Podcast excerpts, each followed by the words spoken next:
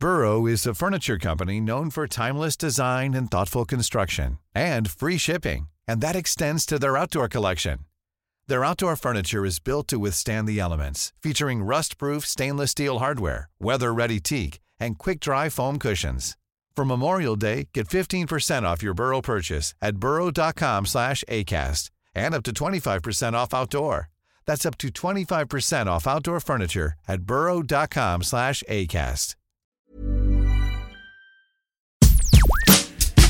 Systrarna Britton, din kropp, dina val. Det här är en podd om graviditet, förlossning och livet som förälder. Oavsett om du väntar barn, är mitt i familjelivet, drömmer om att skaffa barn eller bara är allmänt nyfiken så handlar det här om din kropp och dina val. Jag hoppas kunna hjälpa dig att göra medvetna, informerade val när det kommer till din kropp. Du lyssnar på systrarna Britton, Din kropp, dina val. Med mig och Kokwa. Och med mig, Asabia. Halloj! Jag ska inte börja prata om det direkt kanske, men vi ska prata om vattenfödsel idag i alla fall. Jag vet att många har längtat efter det avsnittet. Men, Åh, vad kul. ehm, ja, jag, tror, alltså vi fick jätte, jag vet inte om du har varit inne och kollat på frågorna, men vi har fått jättemycket frågor. Vad roligt. Så jag tänker att vi kommer sätta igång ganska snabbt. Men hur mås det idag Oppo? Du som alltid är så positiv och glad. Äh, gud, det känns som att det inte är det. Men eh, jag mår jättebra. Ja, jag är liksom lite, jag är lite, kan man säga, ändå. Ja, jag är lite bakis. Ja, du var på Punk Royale igår. Ja. Restaurang i Eh. Stockholm som är väldigt så här, quirky. Typ. Nej, men alltså, var, Alltså- s- vi hade så kul. Alltså, vi skrattade jättemycket. Det var så Berätta, roligt jag har aldrig tillsammans. varit där. Nej, men du borde verkligen gå dit. Alltså det, jag, det var, det var ju så jättehög volym så man kunde in, knappt höra vad man sa till varandra. Mm. Och skrek. Och så, så, Låter jobbigt, men okej. ja, och du vet ju, både jag och Andreas är väldigt ljudkänsliga. Men Mm. det gick bra liksom ändå. Och så är det så här rökmaskin som bara trycker ut rök hela tiden. Så att det helt sjukt att jobba där. räkigt där inne. Verkligen. Men nu, man ska väl inte säga, man fick ju lämna ifrån sig sin telefon. Ah, Okej, man ska inte avslöja heller säga. allting som hände, men, det var mycket maten spekt. var jättegod. Drycken var också god.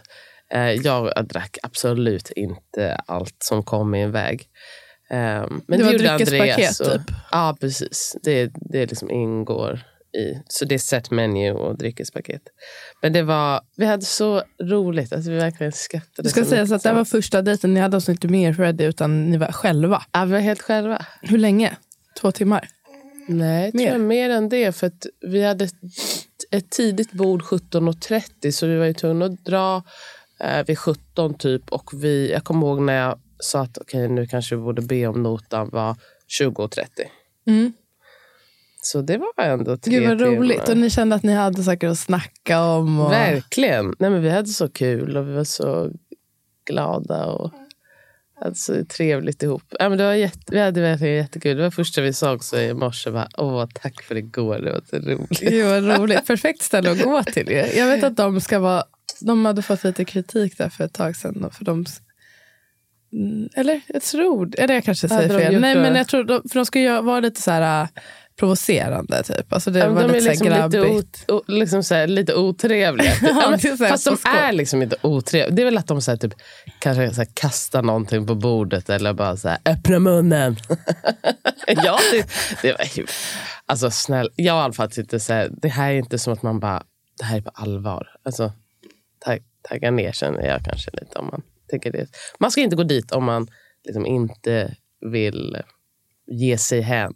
De skriver ju också där när man bokar och bara ehm, du är planer, planerad överkörning femte eller något sånt där. Femte andra. Så de säger att de ska köra över den och att, liksom, att det här kommer vara I'll get ready for business. Och hur gick det för bort- Han har ju varit borta förut. Men... Eh, men inte med någon annan va, tror jag inte. Alltså, han har ju varit- med mig lite grann. Alltså kort. Har varit med liksom. dig, ja, precis, kort. Men eh, det hade gått så jättebra. Och då hade jag ändå eh, vår gode vän Sandra hade eh, honom och de två tjejerna. Mm. Hon sa det, att tjejerna är ju inget problem. Nej, de hade väl Mm. gjort sitt. Och han hade varit glad. Han hade inte velat ta flaskan däremot. Ehm, så det var ju synd. Men Han Han hade överlevde. kunnat un- underhållas på annat vis. Vad roligt. Men vi ska ju dra på en resa i augusti och då hoppas jag verkligen att han tar flaskan. För då ska vi vara borta länge. Mm. Alltså, ni ska, dra, ni ska lämna honom? Du och jag ska ju åka på en resa till Jaha, Köpenhamn. under ett dygn? Ja. Mm. Så då måste han ju ta flaskan. Men hur gammal är han då? Då är han i alla fall ett par månader till fem månader. Mm. Ja, det kommer gå. Alltså, han lär inte svälta. Är det? Nej, han är nästan sex månader till Mm. och med. Så nej, men han kommer väl inte. Han kommer väl ta flaskan till sist får man väl hoppas. Mm. Men Ja, eh, ja. Anyhow. du, jag mår eh, bättre idag. Vi, jag, skönt. jag, skrev, jag sa det på vår Instagram, uh, systrarna Britton, att jag, vi försökte spela in igår men jag var lite labilus labadus. Lambada. Lambadas. Nej, men eh, vi, vi försökte podda och jag bara kände det här är så dåligt. Jag är så dålig. Jag orkar inte prata. Jag, varför pratar jag? Kan jag hålla käften? Jag började gråta och kände bara nej, jag, jag klarar inte av att göra det här. Så kände mig också sig dålig för att man inte klarar av det. Men idag då så kom ju mensen som ett brev på posten och jag mår toppen. Vad 100 skönt att kilo höra. lättare. Men som du sa, det, att, man, att man aldrig fattar. Men jag, hade, jag anade faktiskt, men det är ändå svårt. hjälper ju inte. Alltså, det är ändå så här, ja men jag mår ändå skit. Det kan ändå vara skönt på något sätt att värdelös. jag är nej, ja, precis, jag är absolut ändå värdelös. Det vet jag. Men eh, det är ändå kanske skönt att man vet att det kommer gå över. Det är inte en depression det här. Men, men det är speciellt det där. det är verkligen Att det, speciellt. det är en riktig grej. Jag har inte gråtit på väldigt länge. Alltså jag brukar faktiskt inte gråta så ofta. Skönt kanske att du fick göra det. Ja, lite skönt att gråta lite. Mm. Men Precis. vad skulle jag säga? Freddy mådde inte heller så himla bra. Han är på Mm, så han var också, jag kände också bara så här, jag, jag känner med dig. Det är dålig energi här inne. Mhm. Ja, vi hade båda lite det. ångest. Du var så sprudlande och, glad. Ehm, men du, jo, jag tänkte lite business corner innan vi sätter igång. Uh, och prata om våra olika endeavors. Och sen så har vi gjort det. Dels hypnokurs.se vill vi alltid ge en shoutout. Vår förlossningsförberedande kurs som är en digital, eh, eller vad man ska säga, en ljudkurs som man kan lyssna på. Jag det brukar kallas. webbkurs. Mm. Ehm, Men man kan lyssna på den i en app. Har vi förstått. ja, vet du, jag kommer faktiskt inte ihåg vad den heter. Kajabi tror jag. Kajabi. Mm, men ehm, den är väldigt bra och uppskattad och inspirerad av hypnobirthing. Så om ni är gravida eller ni känner någon som är gravid så rekommenderar vi den varmt. Gör vi. Eh, sen så var det något annat. Min bok, min barnbok är ute nu in stores I believe. I fysisk Jag butik. tror det, att den är släppt. Gud, Min jag kommer inte först på, på måndag. skulle Jag Jag har ju ändå alltså, förbeställt den. Ja. Men eh, Sandra har fått sin och flera har fått sin. Som, Ah. Den borde...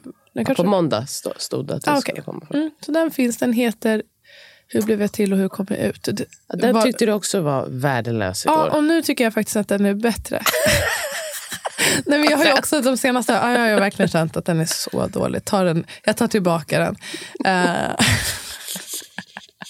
jag kom verkligen på det idag också. Det är ju också att man är lite så här, eller jag är lite så här ängslig och självkritisk, men det är ju absolut också uh, PMS. Hur, hur värdelös Ja, den är så jävla dålig. Jag sa det till Louise, men det enda som är bra är ju bilderna. Illustrationen. Så tur, som tur är finns ju de.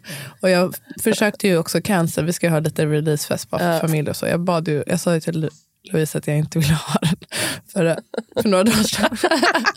Men hon sa att men vi kan ha, vi är bjudit alla. Och så. Tur, tur att hon inte lyssnade. Så jävla sjukt om du var i din PMS och bara, nej, jag skiter i det. Scratch my name of the Men jag kände också, bara, vem vill fira mig? Alla som har sagt ja. Ja, nej, men nu känns det faktiskt kul att få göra det. Gud, man ska verkligen ta bort galet. alla beslut och sånt. Så här, Lås in med några dagar. Men den och så ska jag också tipsa om eh, appen Ella som jag också är med och involverad i. Ja. Ehm, varit med och startat upp en app som har lanserats i slutet av maj. Ehm, den är till för gravida och personer postpartum som vill träffa en fysioterapeut. Så man kan träffa en fysioterapeut eh, via mobilen ehm, för videosamtal och få personlig rådgivning också via chatt. och individanpassade träningsprogram och massa. Och det har varit också jättefint för vi har fått superfin respons eh, på den av de som har hunnit använda den. Um, Vad kul. mm, så den finns eh, i App Store och liknande. Det är patientavgift där, så det kostar 250 kronor per besök och frikort gäller. Okej.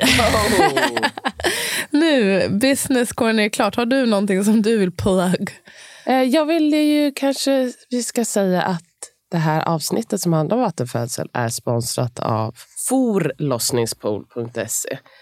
Ehm, Det är ju en faktiskt, tycker jag, efterlängtad tjänst där man kan liksom hyra förlossningspooler. Så att, för det finns ju inte på alla sjukhus. Det finns inte heller i alla hem förstås. Eh, Och då får man liksom eh, hem en förlossningspool med alla attiraljer. Så man behöver inte köpa slang eller såna här, vad heter det, såna här munstycken. Och Mm. Plastöverdrag och det ena med det tredje. Utan man beställer hela kittet och sen så skickar man tillbaka allting som inte är engångsmaterial. Så man, om man vill veta mer om det så kan man gå in på forlossningspool.se. Tack eh, att ni vill vara med. Det här, vi har ju pratat om vattenfödsel på olika sätt tidigare. Vi har ju båda erfarenhet av det. Du har ju fött i en förlossningspool, jag har fött i eh, badkar. Och, och eh, ja, vi har olika erfarenheter av att göra det här. Det kommer ju... Det blir som en lite frågepodd, tänker jag. För jag bad om lyssnarfrågor och vi har fått in jättemånga. Um, Så Nu kul. såg jag att du hade fått än, ännu fler, men jag tror att det kommer finnas och bli kommer över. finnas stoff. Mm, Men precis. vi kan ju prata om det igen. Ja, absolut. Det kommer säkert komma upp. Gud, Ja. nu vet du jag gillar att prata om, om mig själv hela tiden. Inte igår, men idag. Nej, då I'm back.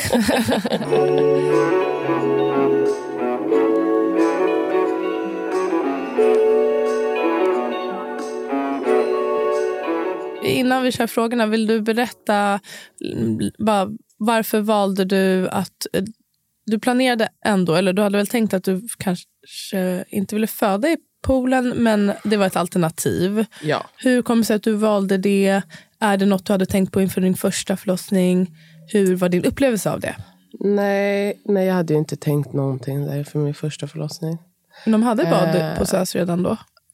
Det fanns en dusch i mitt rum. Bara Kom dusch? ihåg för att jag duschade sen. Okej. Eh, Så det fanns bara en dusch där. Eh, men eh, den här gången, eftersom jag skulle vara hemma så tänkte jag eh, liksom, ja, vad har jag för smärtlindring? Jag har ju mina egna, alltså mig själv och allt min egen kropp kan åstadkomma med sig själv. Men jag kan också skaffa en pool för att det är så många som upplever det som smärtlindrande. Um, och jag tänkte på, jag har ju ett badkar nu i den lägenheten jag är i. Men jag tyckte det kändes skönt med en pool för att få lite mera plats. Alltså jag kan lätt känna mig cramped. Ehm, och ehm, jag är glad så här, i efterhand att jag eh, valde poolen. För det, var- den, är ganska, den är mjuk. Jag satt ju där ganska länge. Um, och eh, ja, men det var, ja, jag är jättenöjd med att jag valde det. Mm. Och det var väl att liksom det började göra ont och då var det ju skönt att ha något att så här, okej men jag har sparat den här grejen. Kan ni tappa upp badet? För du, så först var- badade du va, lite i latensfas och, Ja, det var ju då vattnet och då gick vattnet. Ja, och då Ja. så låg du kvar lite. Och sen så, var det bad, då var du i pirrade. badkaret. Ja, för då tänkte, alltså då hade jag haft lat, alltså latensfasen hade hållit på i vadå, ett och ett halvt dygn eller två kanske. Ja, det spelar ingen roll. Ett och ett halvt dygn kanske. Men, och då hade jag liksom väldigt glesa sammandragningar. Kanske. Alltså det kunde vara ibland tre timmar emellan. Mm. Ehm, och så var jag, och vi, vet, jag skulle ju gå, på, gå till barnmorskan på Mm. besöket. Och sen, men jag tänkte bara, men nu ska jag försöka liksom varva ner och få oxytocinet att flöda. Så då tog jag den här Galaxprojektorn, jag stängde dörren ehm, och så tappade upp ett bad och så la jag mig där. Och så verkligen slappnade jag av. Då hörde du ett knäpp. Ja, Men jag kände. Du jag kände inte, det var också jätteroligt för att de tog ju hål på hinnorna sist. Mm. Ehm, och eh, att få känna. Och så slutade jag kände lite grann och bara, men gud, är det här det? Mm. Och så, så försökte jag kolla i vattnet, men det var liksom, ja, det var helt kristall, klart. Så jag, det, det, jag var liksom osäker, men jag låg där en stund. Och sen, Kände du att du ändrade karaktär direkt? Eller? Nej. Nej. Nej, för jag skulle ju fortfarande, jag skulle ju, eh, fortfarande åka in, kom du ihåg? Till barnmorskan? Ja, Mm. till barnmorskan. Men sen skulle, var det också att han låg högt. Så att jag pratade Just det, ju... när vattnet hade gått, då var, det Ja. fortfarande, då var det tal om att åka till förlossningen och så. Eh, precis, och det var för att han låg högt. Då. Mm. Men jag kände ju att han eh, sparkade och sen så Du kom kan det lyssna igång. på avsnittet om din förlossning för att höra the deets. Så det var, det var jätte... Jag tror att det var en, liksom, en stor grej varför det liksom kom igång just då i alla fall. Mm. Att jag fick vara i vattnet. Eller fick, men att jag valde att vara i vattnet och i det där lugna rummet och värmen och omsluten. Och sen så hoppade du i poolen lite senare efter du hade vankat runt och så. Tyckte du att det var... Du sa, eh, när vi spelade in där lite grann igår, då sa du att du hade... Alltså du, du upplevde inte nödvändigtvis att det var så smärtlindrande. Även fast det är Nej. svårt att jämföra kanske med hur det hade varit på land. Men det var så här...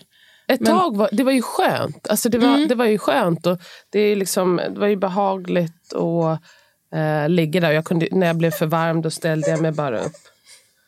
Och det, lite, är det lite tjorvig? Då ställde jag mig bara upp. Så...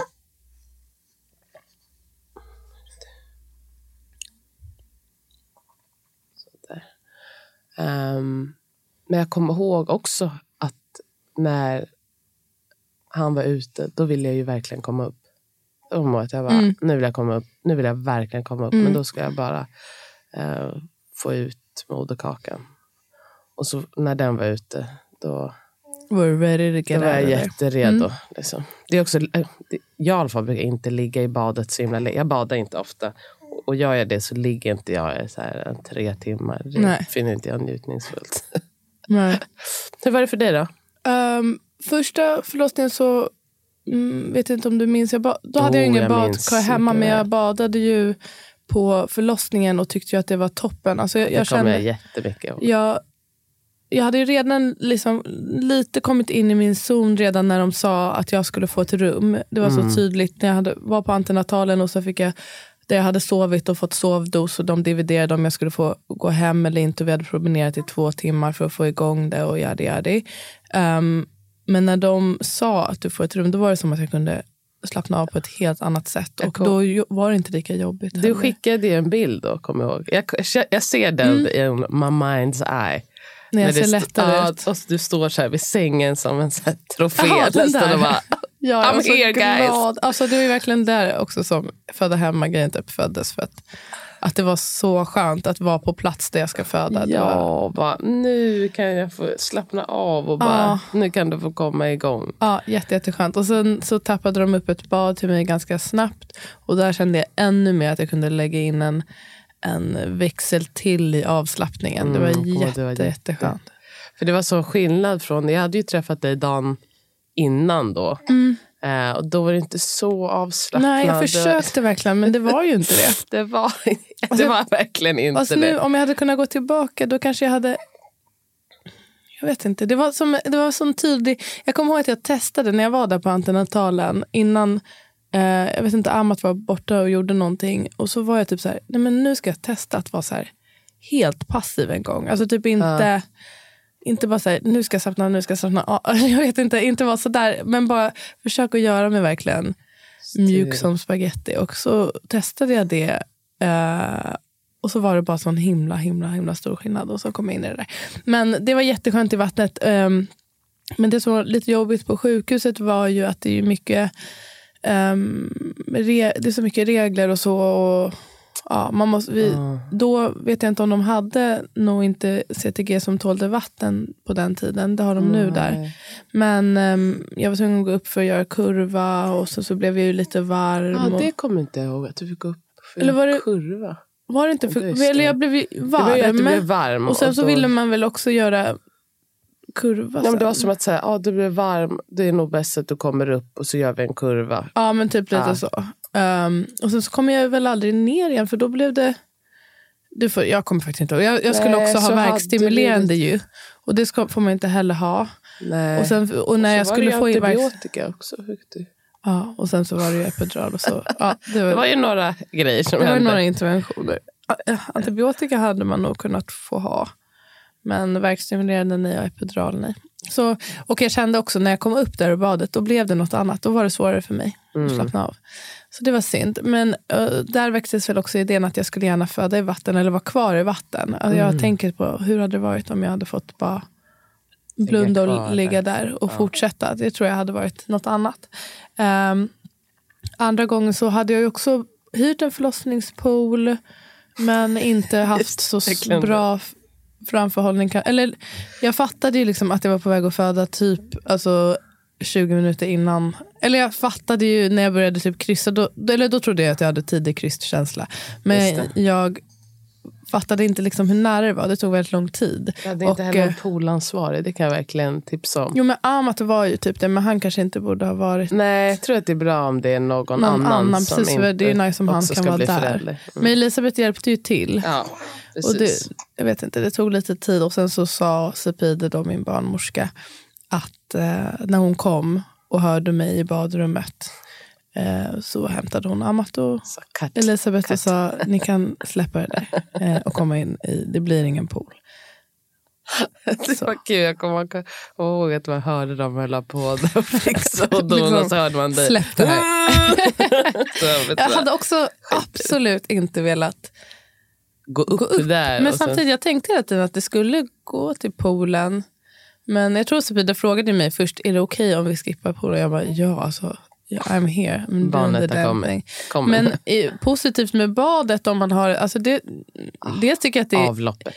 mysigt eh, att ha kvar mitt badkar där jag har fött honom. Det tänker jag ofta på. Ja. Um, men framförallt att kunna byta vatten väldigt lätt. Det är Ja. ju supersmidigt. Det är faktiskt eh, det är verkligen något.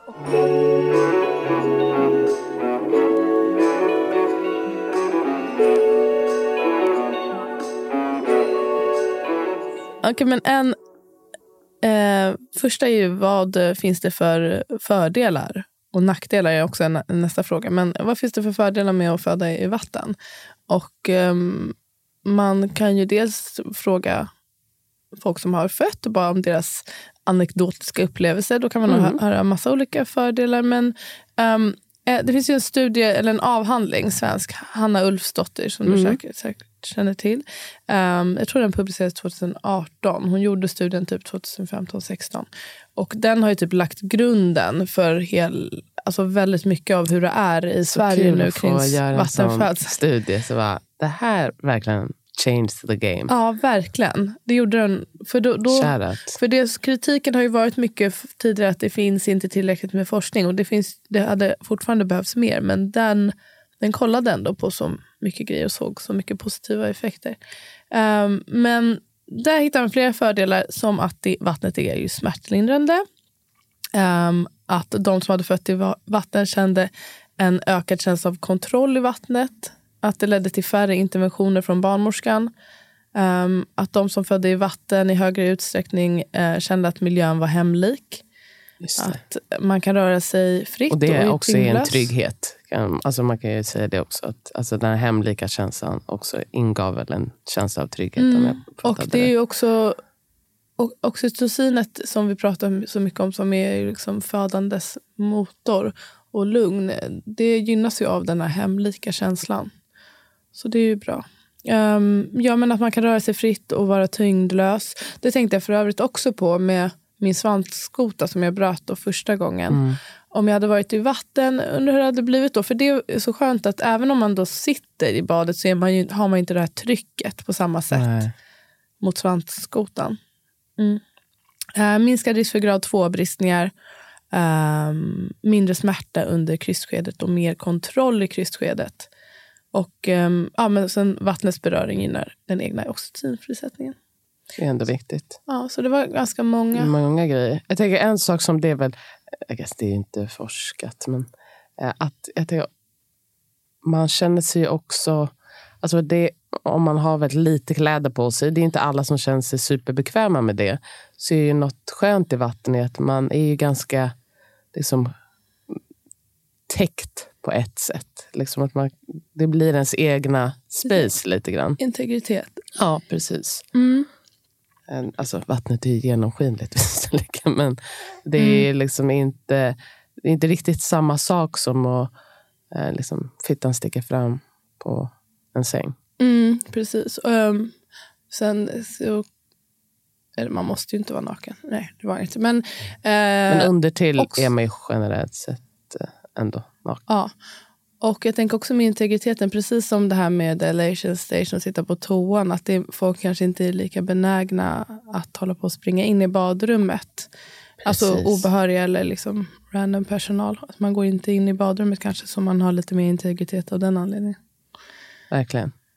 Och Men- du, eh, jag såg eh, Sepide, eh, som är barnmorska, hade skrivit att, man, att tips till andra barnmorskor. Att, Mm, eh, jag delade på Instagram. Ja, det var så fint. Men liksom att eh, undersöka i vattnet. Det tänker jag också att då blir det inte heller riktigt det här att liksom, nu är benen upp och liksom mina, alltså jag tänker att Anpassa är- lite mer ja, efter och då den är som man lite, ja, exakt. Och man är också huv, huvud mot huvud på ett lite annat sätt. Mer än att liksom, här står jag bakom dina ben och, och pillar.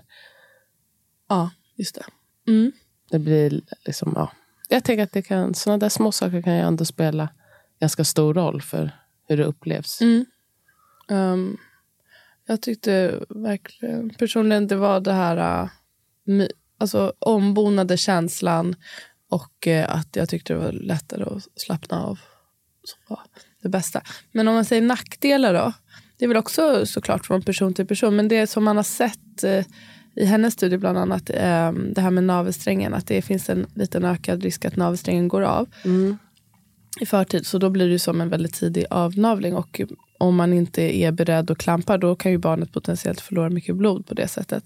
Det kan ju också ske på land. ehm, men det är vanligare i vatten. Eh, det är oftast när navelsträngen är kort och man drar Ja. upp för fort. Så det är jättebra att känna till.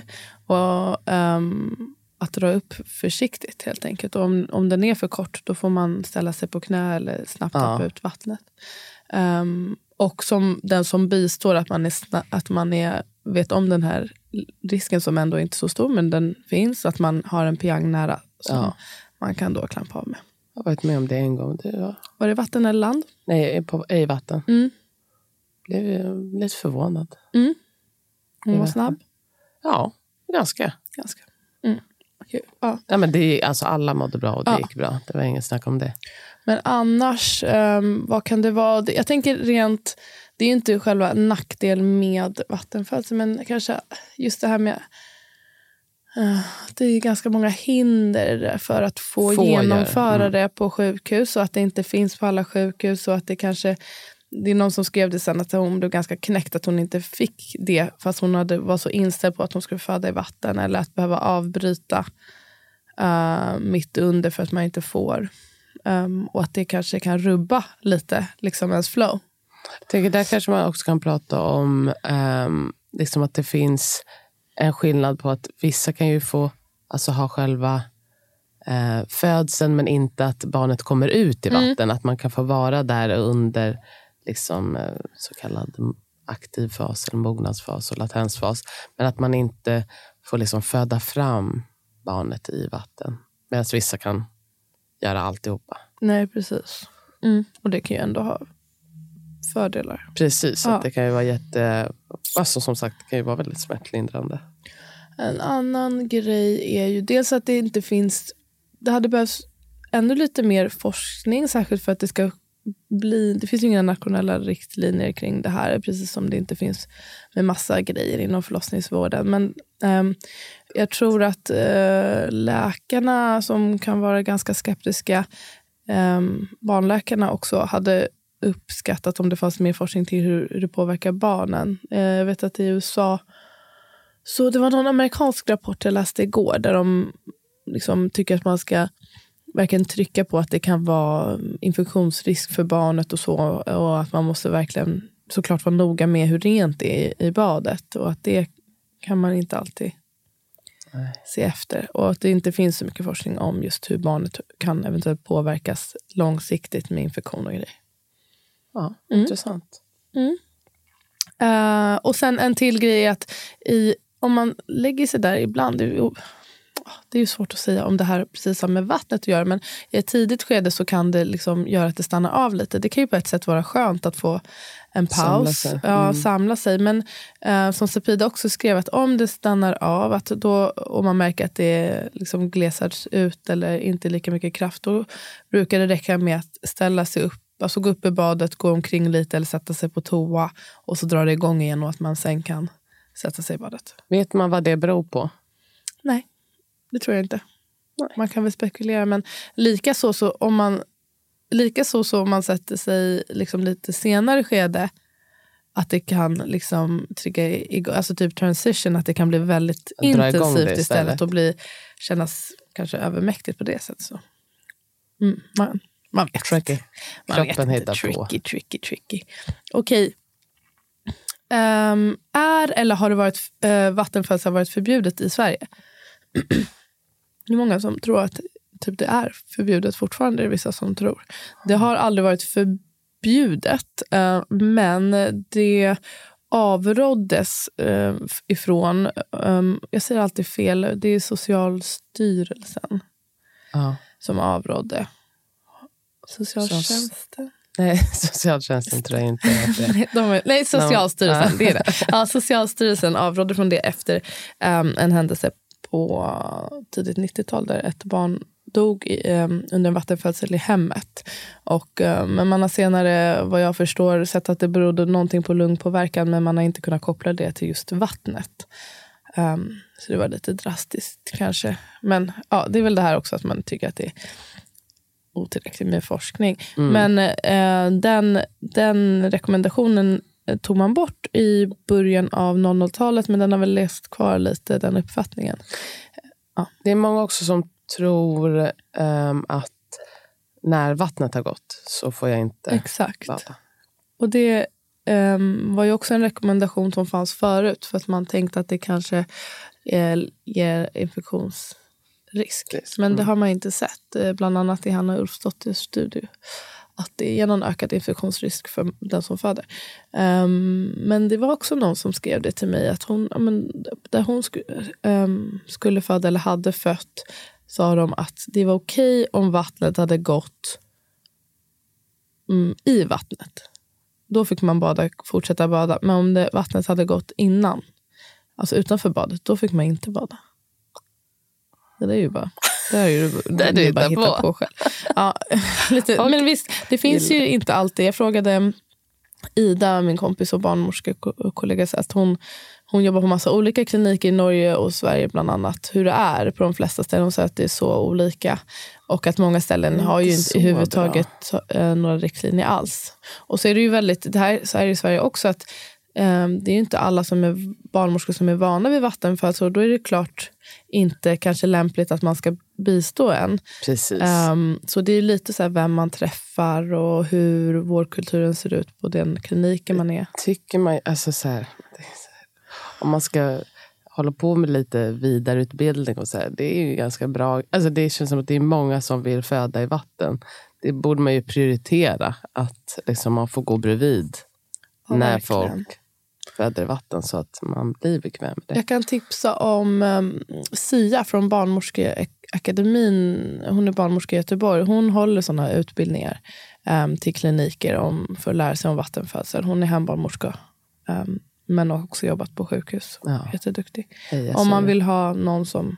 Om man känner sig helt liksom, rookie på det på sin klinik är det jättebra att ha någon Jättebra. som är supervan. Det, är ju så, det, kom, det var någon fråga om det också, men är det ehm, vanligare att föda i vatten hemma än på sjukhus? Det skulle jag absolut säga Det skulle att det är. tro. Det är ju typ, det är inte alla som föder i vatten eh, hemma, men det är ju vanligt.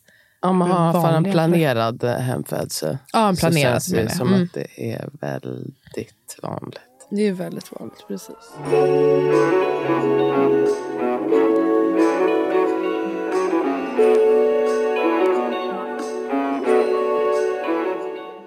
Varför är det så ovanligt i Sverige? Har du någon tanke där? Är det så vanligt i Sverige? Finns det någon sån statistik? eller? Det finns ingen statistik vad jag vet på eh, hur många som föder i vatten. Men det, jag vet att det ökar. Och jag, hade skrivit, jag kollade min blogg som ett inlägg jag hade skrivit 2019. Så det är ju tre år sedan. Det har säkert hänt jättemycket sedan dess. Men då um, så hade Östra sjukhuset um, ehm, 21 barn som hade fötts i vatten där 2017. Och sen så hade den siffran dubblats året efter till 43. Jag kan tänka mig att det är det kan jag verkligen ännu mycket mer nu. Och på det... BB Stockholm så hade så man erbjöd vattenfödslar från maj 2018 och när jag skrev det 2019 så hade 100 personer fött i vatten där. Ja. I believe that. Och jag skulle, ja, det skulle vara intressant att veta hur många det är nu. Jag tror att det har ökat supermycket. Ja, för det är många, många som jag träffar. Som, eller, också, eller som man pratar med som säger att jag ska testa det.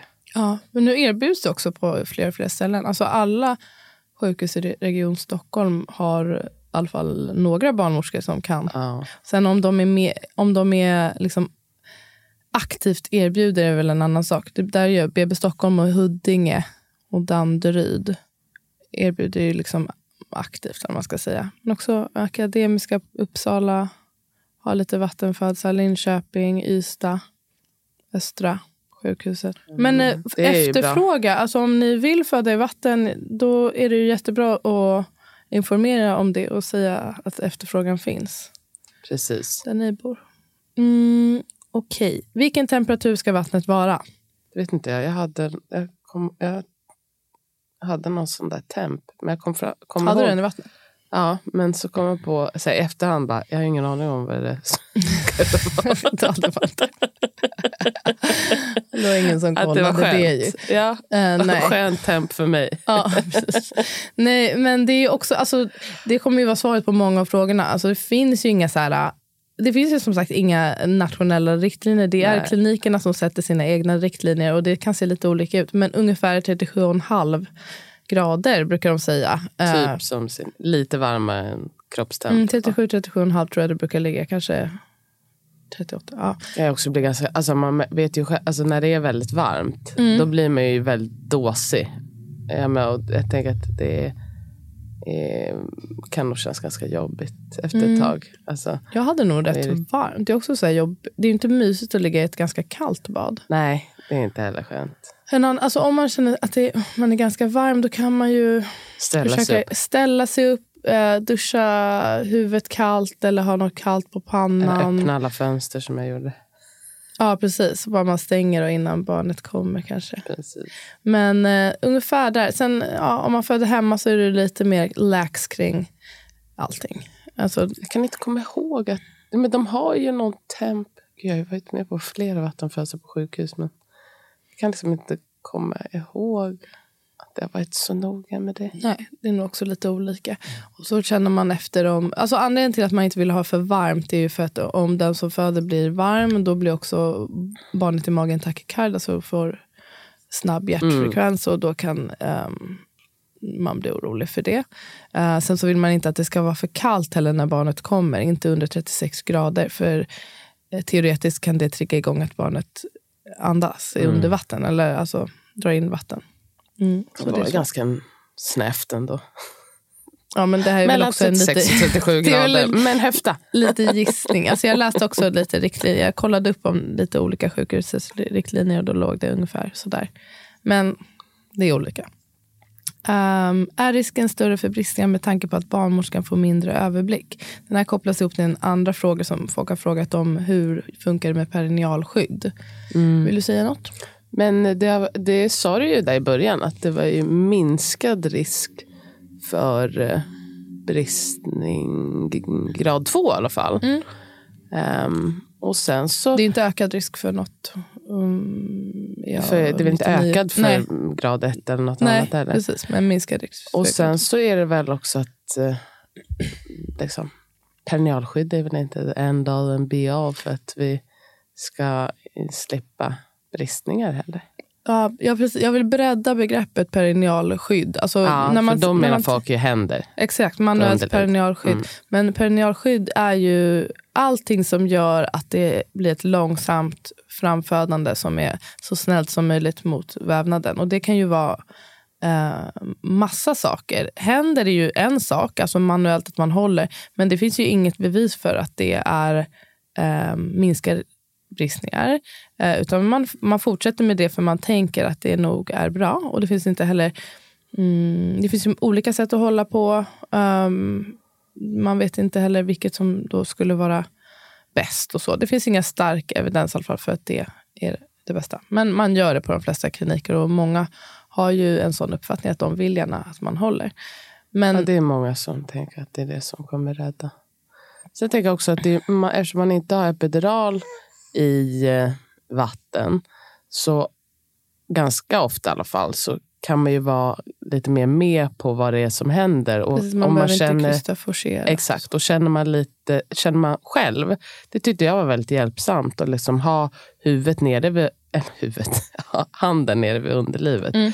Då kunde man också känna hur barnet kom där fram och tillbaka och då blir mm. det ju liksom att man själv inte håller på och trycker på mer än nödvändigt. Så att, så att man känner verkligen det här fram och tillbaka. Och ta det lugnt. Och det är ju också Exakt. en typ av perinealskydd. Liksom. Exakt. Alltså, uh, att själv styra och att själv känna att man kan göra det här långsamt och att precis i slutet verkligen låta det ta tid när barnet spänner ut som allra mm. mest och precis där innan. Att låta vävnaden andas. få hänga med och om möjligt andas och inte vara för snabb där och frusta och allt det uh, är ju ett fantastiskt perinealskydd. Mm. Och vattnet är ju i sig. I sig ett perinealskydd. Det, det, det man har stark evidens för är ju de här våta kompresserna, varma våta kompresser mot mellangården, att det minskar risken för eh, bristningar så, och vatten. Då.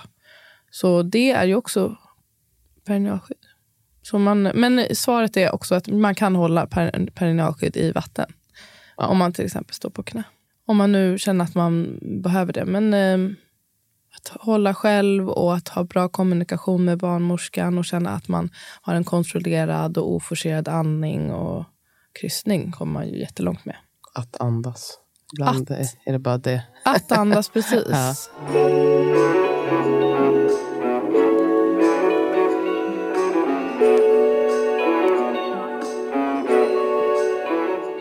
Veckans avsnitt är sponsrat av Polanopyret. Det är det. Vad tycker du om det?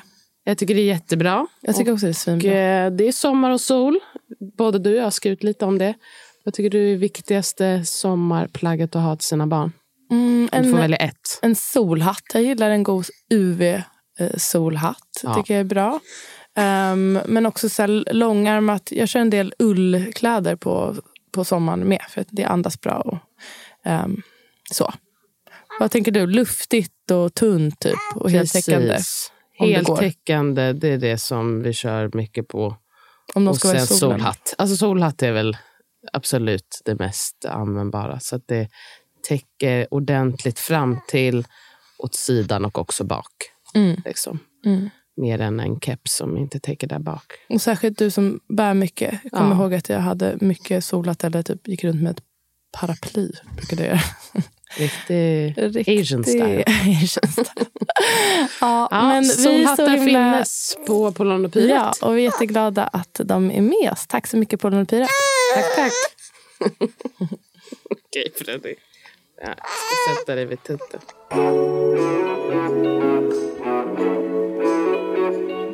Vilken smärtlindring kan man ha? I eh, vatten? Om man badar? Ja. Låter som att jag liksom, uh, förhör dig. Att, ja, verkligen.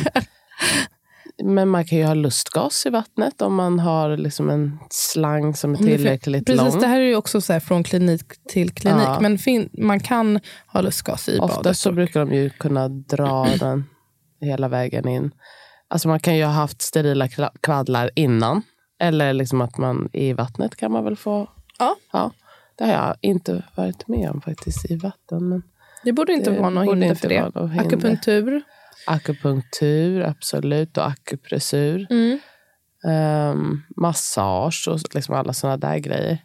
Um, Men du får ju inte ha epidural. Så, för det är den vanligaste frågan som mm, jag får när det handlar om vatten. Jag, jag och... tror inte att det finns någon um, klinik som skulle rekommendera det. eller ha Nej. det. Alltså, och det är nog inte heller så himla klokt. För dels att man vill ju att det ska vara det, helt normalt och så låg risk som möjligt. Mm. Dels för barnets skull, för att man vet att för mm, det verkar i alla fall vara så för barn som är välmående och pigga och inte har syrebrist i magen. Då kommer de inte reagera med att liksom, dra in vatten, eh, aspirera, utan mm, de, har inte, de väntar tills de får möta luften. Eh, men det verkar som att barn med, som har lite av asfyxi och syrebrist, att de är mer benägna att Liksom dra in. lite stressade. Precis, Ja. och om man ehm, då till exempel får verkstimulerande, då kan det vara lite mer påfrestande för barnet. Eh, det kan vara liksom väldigt täta verkar och så. Och Att då, de är trötta. de kan vara mer trötta. Det är sannolikt en anledning till att man inte heller rekommenderar att man har verkstimulerande. Och med epiduralen, att det kan ju gö- göra att man får blodtrycksfall eller att man blir svag i benen och det kan vara svårt att komma ur badet. Då blir ju det, Det lite blir risk inte bra. i det. Och att man vill kunna, ehm, kunna göra åtgärder liksom snabbt. Och kanske ha lite kontinuerlig övervakning på hjärtljud och så. Mm. Så det är de här lite mera inte tunga bedömningarna kan man väl säga. Som man rekommenderar. Eh, vad var det någon annan som hade frågat? Jo, då, jag, vi har också fått frågan hur man lyssnar på hjärtljuden i badet. Man kan ju, vissa kliniker har vattentät CTG. ehm, men man kan ju lyssna med Doppler eller tratt. Ja, det vill jag bara säga till vårdpersonal. Att man kanske inte behöver ha den här dopplern på högsta volym. För att ibland har de så hög volym och så liksom, man har gjort allting runt omkring. Att man har liksom sänkt belysningen och vi har ett fint stjärnfall i taket. Och så bara... Man bara, exakt, exakt så där har det varit. Man bara, nej men nu bryts ju allting. Alltså, bara sänk volymen lite grann. Man kan höra, man kan höra ändå. Ja. Och, liksom, så att, och ofta så är det, eh, uppfattar jag att man lyssnar ganska ofta ändå. Eh, kanske liksom oftare än man tar CTG. Så Ja, precis. Alltså, när det är intermittent avlyssning, att man lyssnar, då lyssnar man ju en gång i kvarten. ungefär. Ja, och det är ju ganska mycket. Mm. Och att ha då ett högt ljud som screechar en gång i kvarten, det är inte liksom optimalt för den lugna stämningen. Nej. Och det här är alltså, nu pratar vi ju mycket sjukhus, det är lite annat om man föder hemma. Ja. Mm. Då lyssnade de ju en gång. Och, Ja. Exakt. Och tratten är tyst och lugn. precis, men det är inte så många som lyssnar med tratt. Nej. Det är synd. Det är väldigt kul, även när Mm. jag har lyssnat. När jag lyssnade på din mage. Är det det? Ja, vänta. Jo. Eh, vad kul. Men ehm, vad ska vi se? Varför får man inte föda i vatten om vattnet har gått när man hoppar i? Det här är ju... En, har vi tog, ju, vi tog ju upp det, precis. Men jag tänkte bara säga med det att ehm, det stämmer ju inte. Men däremot om man har tjockt med koniumfärgat fostervatten så rekommenderar man ju inte det för att det kan vara ett tecken på att barnet ehm, har begynnande eller pågående syrebrist, är lite stressad. Svagt mekoniumfärgat eh, brukar vara okej. Då gör man en individuell bedömning. Eh, kan man få möjlighet att föda i vatten på BB? Hur vanligt är det? Ja, men det har vi ju sagt. Alltså, inte på BB, de menar, menar på, på förlossningen. förlossningen. Ja. Alltså, är det ens möjligt? Typ? Det är möjligt på Ja. vissa ställen. Om man är osäker och man eh, vet vad man har tänkt föda, så kolla med barnmorskan på MVC kanske först, eller kontakta förlossningen Precis. där man ska ha tänkt föda. Kolla vad, hur möjligheterna ser, Ser ut. ut. Finns det möjlighet att ta med sig en egen förlossningspool annars? Precis vad jag tänkte säga. Mm. För det är ju några ställen som har, alltså NKS till exempel, de har ju några pooler. Och om det är så att det bara finns, alltså att det finns inte ett i varje rum, om man vill säkra, då kan man hyra en pool och ta med sig. Mm. För där har de ju alltså ganska stora badrum och, och personal Precis, som där- är vana. Jag var med på badkarsfödsel där. Det är inte så stora badkar i och för sig, men om man, eh, precis, om man vill vara mer garanterad. Precis, så, för, och det, ja, om man hellre vill vara i poolen, Mm. i badkar och sådär, så kan ju det vara en grej. Borde man vänta med att gå i eller bada redan vid latens? Vi fick flera sådana liknande frågor. Så här, när borde man Bör. gå i?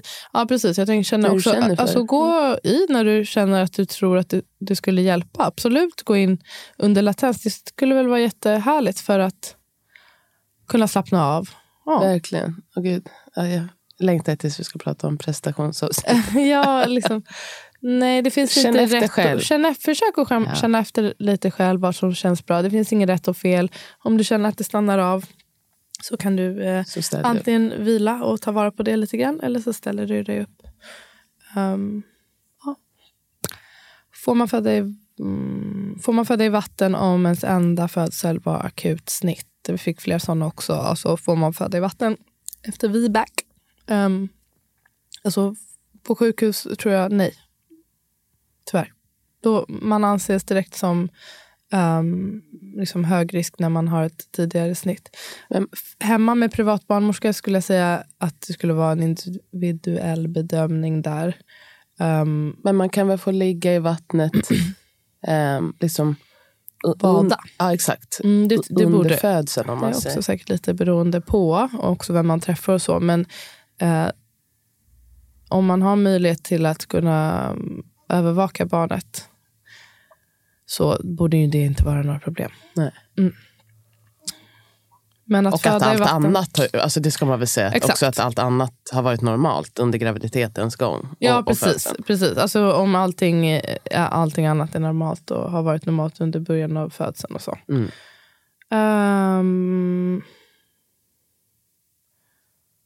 kan partner sitta med i vattnet? Ja. Ja. Hur beräknar man blödningsmängd i vattnet? Ehm, det här, jag, ska ta, jag kan hoppa till det faktiskt. för eh, Ida som jag pratade om, som också har gästat vår podd en gång, hon uh, kom med lite tips också till barnmorskor som bistår. Hon eh, jobbar i Lofoten. Eh, eller när hon jobbar på lite olika ställen som sagt, men där i Lofoten då är det 25 procent av födslarna som är i vatten. Mycket. Det var Mm.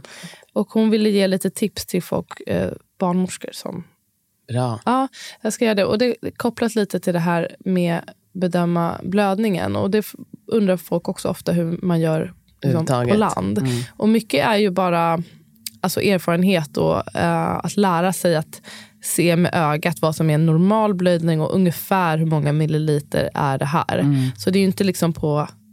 det När, när det står liksom 150 milliliter, det är ju att man har uppskattat det. Ja. Förutom om man ser att det är, börjar bli avvikande, då börjar man väga blödning. Men så här skriver hon. Ehm, jag kan säga alla hennes tips. För det första, så viktigt med kort utbildning innan man börjar bistå vattenfödslar. Oavsett om man är ny eller erfaren. Men för så ganska basic grejer som vattennivå och så. Alltså, Ja. Det måste man veta. Ehm, hon skriver att oxytocin kan ges intramuskulärt i överarmen på kvinnan så slipper man lyfta låret och krångla med att ge det i benet. Eh, aldrig dra ut vattnet innan kvinnan gått upp på grund av två saker. Dels att det, om det är en akut situation och man behöver få upp henne ur vattnet så är det typ tio gånger lättare att lyfta ur karet om det är vattnet är i än om det är tomt. Och för att kunna bedöma cirka blödningsmängd. Mm, här, det är ju intressant att hon skriver så, för jag läste också vissa sjukhusets riktlinjer att eh, man vill ta ut vattnet typ snabbt. Men jag vet inte varför man ska vilja det. Fall. Ja, i alla fall. Ehm, Det låter också mycket jobbigare att komma ut ett tomt badkar Ja. än ett med vatten. Men ja, Ja. okej. mm, men det är ett tips. Det låter ju rimligt det här också med att man blir lättare. Och just om, om man skulle behöva förflytta. Ehm, ja, och att hon tycker att man ska ha regelbundna övningar eh, med badkar för att kunna gissa blödningsmängd. Och att man då Smart. på sjukhuset kan använda sig av blodbanken som har utgått och gammalt blod som inte ska användas i patientsyfte. Och Då kan man göra övningar och hälla i blod. Och att Det är väldigt intressant att se hur till exempel 200 milliliter bara blir som en ljus färg i vattnet och 800 till 1000 milliliter blir en starkt röd färg. Och att man blir duktig på att liksom göra den bedömningen även i vatten. Kul. Bra. Det är ett bra, Jättebra jättebra tips. tips. Ta gammalt blod och håll på där. Exakt. Uh, Okej. Så man gissar helt Speciellt i jobben. Gå och ta lite gammalt blod och spruta ut i badkaret. Så gissar ni. Eh, Ja. Då ska vi se. Hur länge får man gå mellan vattenavgång och aktiv förlossning innan man blir nekad vattenfödsel? Som sagt, klinikerna gör sina egna bedömningar men lång vattenavgång definieras som, brukar vara, som jag känner till i alla fall, 18 timmar eller mer. Alltså om det har gått mer än 18 timmar för att eh, sen vattnet gått tills man föder. Och då ska man ha antibiotika och så för att det är ökad risk för infektion. Så jag gissar att många kanske efter det nekar. Mm. Ja. Hur länge vid hemfödsel kan man vänta i vattnet innan moderkakan kommer? Vid hemfödsel kan man göra ganska mycket som man vill och utifrån situationen, skulle Ja. jag säga. Alltså, där på, Det kommer jag ihåg nu. När, att Ann, när jag var, jag var lite, alltså jag ville komma upp. Mm. Jag var re, verkligen redo och, och var färdig. Mm. Och då att jag bara, kan, du, kan Ann komma? Så bara, Ann, det kommer. Hon Mm. bara, ja den kommer mellan nu och senare. jag älskar det. Okej. Men det, är- det är ju roligt för att hon ville ju då att du skulle liksom vara kvar i badet, ta det lugnt så att vi antar, för att inte liksom kocka kroppen med att det ska vara kallt och så, för att moderkakan ska komma. Jag antar att det är hennes filosofi. På sjukhusen är riktlinjerna ofta att man ska gå upp snabbt. Och det var någon som skrev och frågade det, liksom, vad är det som gäller där? För att jag, de fick upp mig i badet innan jag ens hade hunnit titta på min dotter. Hon bara, och jag kände att Gud. min kropp reagerade starkt på det här. Eh, Ja, och det blev manuell placentalösning istället. Jag, jag fattar grejen, man vill kunna bedöma blödningen och man kanske är osäker där.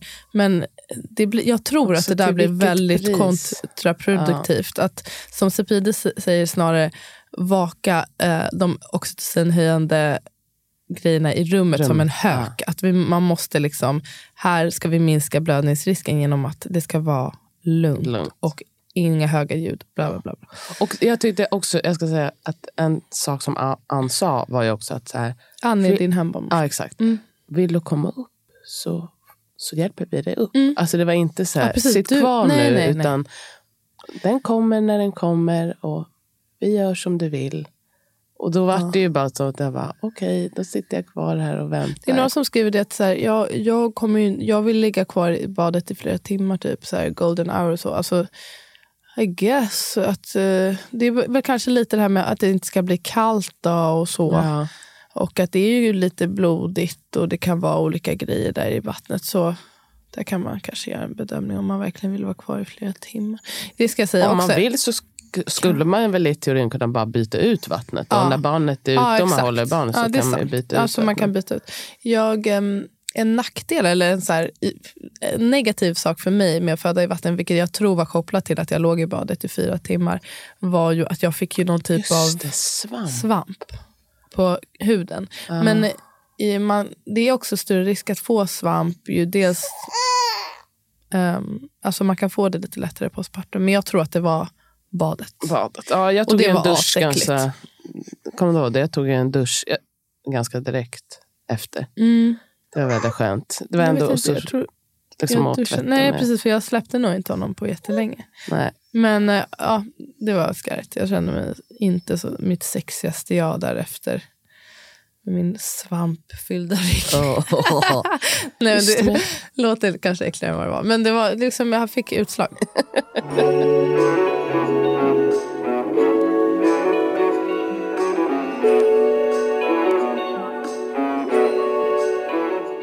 länge får man krysta? Upplevde att min barnmorska stressade på grund av tidsgränsen på 30 minuter. Bebis och jag 30 mådde bra. minuter. Ja, men det är, har jag också sett på flera riktlinjer. Att man inte får krysta då mer än 30 minuter. Vad hände efter det?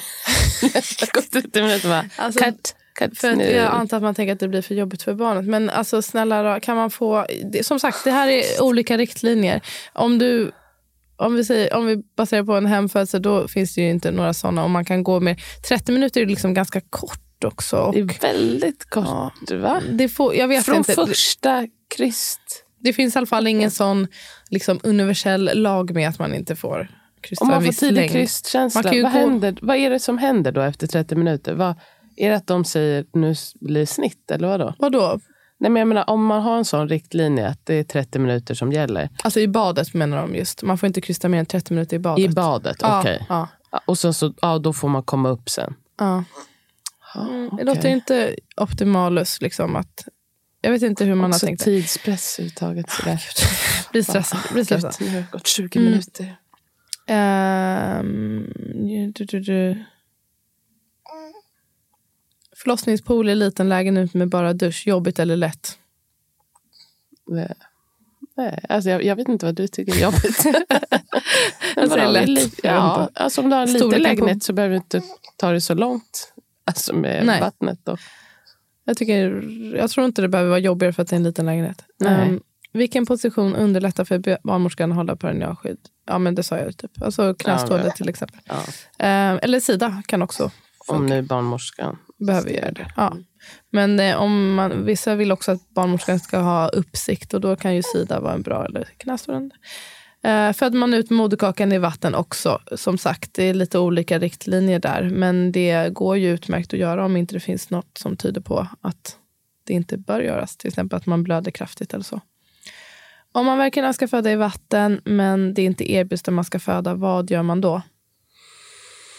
Um, ja, det är väl... Jag tänker att ja, man skulle ju kunna då ta med sig en pool men om det inte erbjuds där så finns det väl kanske heller inte någon som är erfaren. Exakt. Det är väl det som är... Och man kanske inte, kanske inte vill föda i vatten med någon som inte har någon koll på det. Nej, och kanske någon som är, ja, men känner sig väldigt osäker och inte vill att man ska göra det. Och det kan ju verkligen också förstöra. Så Försöka där kanske om man har möjlighet och en vilja att föda hemma, eller, då kan man ju consider det.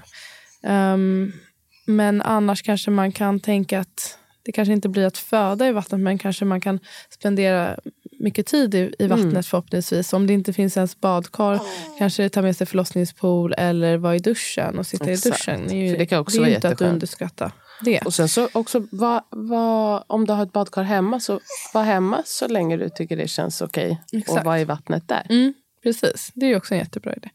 Eh, älskar er podd, tack för allt. Jag har BF 31 juli och planerar för hemfödsel i vatten. Har hyrt pool. Hittar dock inte lämplig försäkring. Har ni några bra tips? Vattenskador kan bli dyrt. Jag tycker folk är Det så... Alltså jag hade är otro- aldrig, aldrig, aldrig tänkt på det. tanken. Nej. Eh, Men det är sant. Borde inte hemförsäkringen täcka det? eller? Hoppas. Vet du, liksom. jag har ingen aning. jag Ingen tog ändå upp frågan bara för någon, Om ni lyssnar på det här och har svaret, skriv i kommentarerna till Jag kan ingenting om försäkring. Eh, varför måste hela kroppen födas fram innan barnet tas upp över ytan? Ja, men det är ju för att barnet inte ska få reflex att liksom tänka att den ska börja andas och då dra in vatten. Ehm, så det är därför, och det är en jätteviktig del i när man ska föda i vatten och därför man vill verkligen ha den här perfekta, eh, inte för mycket vatten för man vill också kunna dra upp barnet ut till bröstet utan att navelsträngen spänns för mycket. Men inte för lite vatten för just för att hela barnet ska födas under vattenytan. Freddy rapar lite. Ja, pruttar. Det. Kommer Um, gud, vi har så många frågor. Kanske ja, vi kan ta en- två frågor nästa till. gång. Ja, vi tar Ehm, ett snack till. Eh, vi fick ett meddelande här. En bajsstory. Jag, tänker på er podd, jag tänkte på er podd under födseln. Hade sånt sjukt tryck nedåt innan eh, jag kom in till salen och självklart bajsade jag i vattnet. Jag hade gått på toa flera gånger tidigt, i tidigt skede hemma men det tog inte slut. Jäkla nattljusolja. Personalen var sjukt obrydd men jag skämdes så jag höll på att dö mellan verkarna. Tänkte på hur ni pratade och skrattade om det inför Pocos födsel och såg humorn i det lagom till krystvärkarna drog igång. Fick höra sen av min barnmorska på MVC att barnmorskan som bistod födseln hade tyckt att det var så fint att få vara med eh, och att jag hade ett sånt bra fokus. Så det är ett kvitto på att personalen ser bortom bajset. Ja, det gör Ja. den verkligen. Det var några som hade frågat här, men hur gör man med, med bajset? Det här var avsnitt, jag kommer inte ihåg, frågelåda tror jag. Att jag pratat om bajs flera gånger. Men eh, det är ju stor chansrisk att man eh, Stor bajsar bajsrisk. när man ska föda. Och då brukar man eh, i vattenfödsel använda sig av en hov eller en sil. Ja. Ja, och Skopa det brukar, upp det skopa upp det och det brukar gå bra. Jag såg också på riktlinjen när jag tog del av att några skrev att man ska erbjuda lavemang innan för att undvika bajs. då. Ja, men det är olika hur man gör. Det skulle vara tråkigt att ta ett love. Alltså, man kommer in till förlossningen. Det gjorde man ju alltid födseln är förut. igång. Så Det bara, va? Ja, jag tycker att det verkar väldigt jobbigt att hålla på med det då, mitt under en födsel. Ja. Men Eh, eh, kanske jätteskönt. Men erbjuds, man tvingas ju inte ta lavemang. Eh, Skalpelektrod, får man ha det? Nej. Kan jag få fråga en Mm. sak? Det var, eh, jag kan inte komma ihåg, bajsade jag nu då i vattnet? Mm, lite bajs, ja. Tror Lite jag. bajs. Som ni har En liten klutt, eller? Eller så var det koagler. Jag kommer inte ihåg. Kanske lite bajs. Alltså, det var inte som att det flöt runt en stor korv där och vi inte gjorde något åt saken. Och det är inte Nej, det var inte som liksom- vi pratar om. Nej, det var inte fullt av det. Uh, nej, det var liksom inget... Eventuellt liksom under krystskedet lite grann. Ja. Ja. Det var ingenting som ni stod och skarvade Nej, nej, det minns inte. Alltså jag alltså kan verkligen inte bry mig mindre. Mindre. Jag- och, alltså, vi skrattade åt det bara för vi tyckte att det var så rolig fråga. och så. Jag tycker inte att det är någon... Gud. Du skrattade väldigt mycket åt min historia där någon gång när hon som hade bajsat det en stor korv. Men jag tyckte att det var... En... Jag tycker inte det... ja, jag tycker inte att det är en stor grej. Men då får jag tycka att det är Varför tycker du att det är så kul? Det är bara kiss och bajshumor. Bajs, bajs, bajs, bajs, bajs. Det är också bara bilden som jag får. Skulle du stå så här och skratta? Om du dolade? Fy fan, det var Du skrattar alltså åt... Alltså, nu skrattar jag åt, tänk om jag skulle få skrattnoja mitt under födseln. Det skulle vara så jävla jobbigt.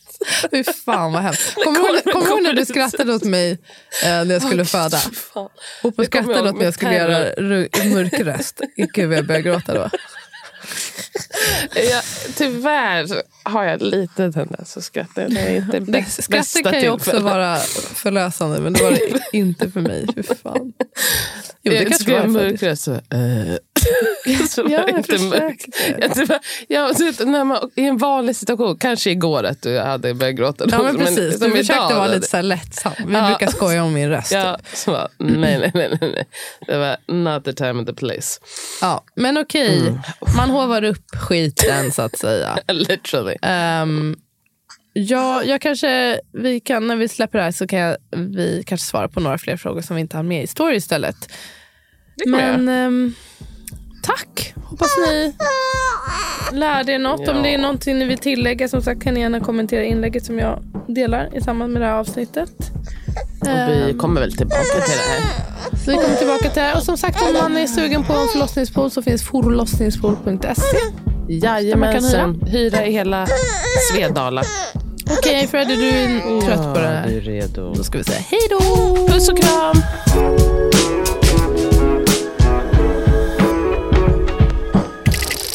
Du har lyssnat på en podcast producerad av Ami och Fanna Produktion.